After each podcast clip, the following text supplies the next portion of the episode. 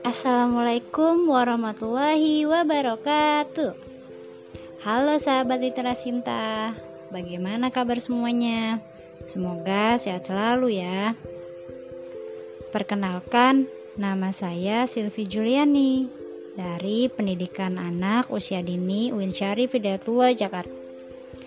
Saya akan membacakan cerita tentang kisah lebah yang pemarah. Suatu hari, di hutan belantara, hiduplah seekor lebah yang pemarah. Ia tidak pernah bisa sabar, sehingga ia sering dipanggil jalan julukan lebah berduri.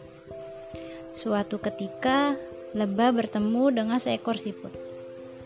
Hei siput, kenapa kau berjalan depanku dengan sangat lambat? Ujar sang lebah. Maafkan aku lebah, aku tidak bisa berjalan lebih cepat lagi. Kalau kau mau lebih cepat, kau bisa melewati aku. Ujar siput. Hahaha, sepertinya kau takut dengan sangatku. Ujar lebah. Tidak, aku tidak takut dengan sangatmu. Aku hanya memang tidak bisa berjalan cepat. Ujar siput. Berani sekali kau berkata seperti itu. Kalau begitu, aku akan sengat kau ujar sang lebah. Lebah pun segera mengarahkan sengatnya ke tubuh siput, tetapi seketika siput segera bersembunyi di dalam cangkangnya. Aduh, sakit sekali. Sengatku patah. Kau curang, tiba-tiba masuk ke dalam cangkang. Ujar lebah.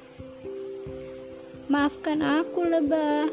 Aku jika aku tidak segera masuk ke dalam cangkangku, pasti aku sudah terkena sengatmu. Ujar siput. Tunggu saja, jika sengatku sudah sembuh, kau pasti akan aku sengat. Ujar lebah. Siput pun merasa ketakutan. Ia pun meminta bantuan Rara, si gajah kecil yang bijaksana. Lebah itu semakin menjadi-jadi saja. Kita harus mencari cara untuk menghentikan kelakuannya itu, ujar Rara. Lalu Rara pun menemui lebah. Hei lebah, apa benar kau ingin menyengat siput jika sengatmu sudah sembuh? Tanya Rara. Tentu saja, kebetulan sengatku sudah sembuh. Akan aku sengat siput nakal itu, ujar lebah. Bagaimana sebelum kau menyengat siput, Kau berarti terlebih dahulu. Ujar Rara. Aku rasa itu ide yang bagus. Di mana aku bisa berlatih? Ujar lebah. Lihat, coba kau sengat pepohonan itu. Jika kau bisa melewatinya, aku rasa kau bisa menyengat siput. Ujar Rara. Tanpa berpikir panjang, lebah pun menyengat pepohonan ditunjuk oleh Rara. Ternyata itu adalah pohon kaktus. Duh, sengatku. Sakit sekali. Tolong aku. Ujar lebah. Aku mau saja menolongmu, asal kau berjanji tidak akan menyengatku. Ujar siput muncul tiba-tiba. Baiklah, baiklah. Cepat bebaskan aku dari sini. Tolonglah. Ujar lebah. Siput pun membantu lebah. Dan lebah pun sadar, sengatnya bukanlah yang sangat terkuat di dunia ini, sehingga tidak selayaknya ia merasa sombong. Ia pun tersadar, sepertinya seperti kata pepatah, di atas langit masih ada langit. Sekian cerita dari kisah lebah yang pemarah.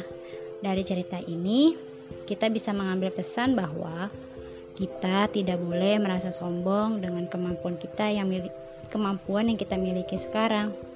Tidak boleh menjadi anak yang pemarah. Kita harus selalu bersabar. Jangan pernah mengejek teman, karena itu perbuatan tidak baik, bisa membuat hati teman kita terluka. Baiklah teman-teman, sampai berjumpa lagi di cerita selanjutnya. Wassalamualaikum warahmatullahi wabarakatuh.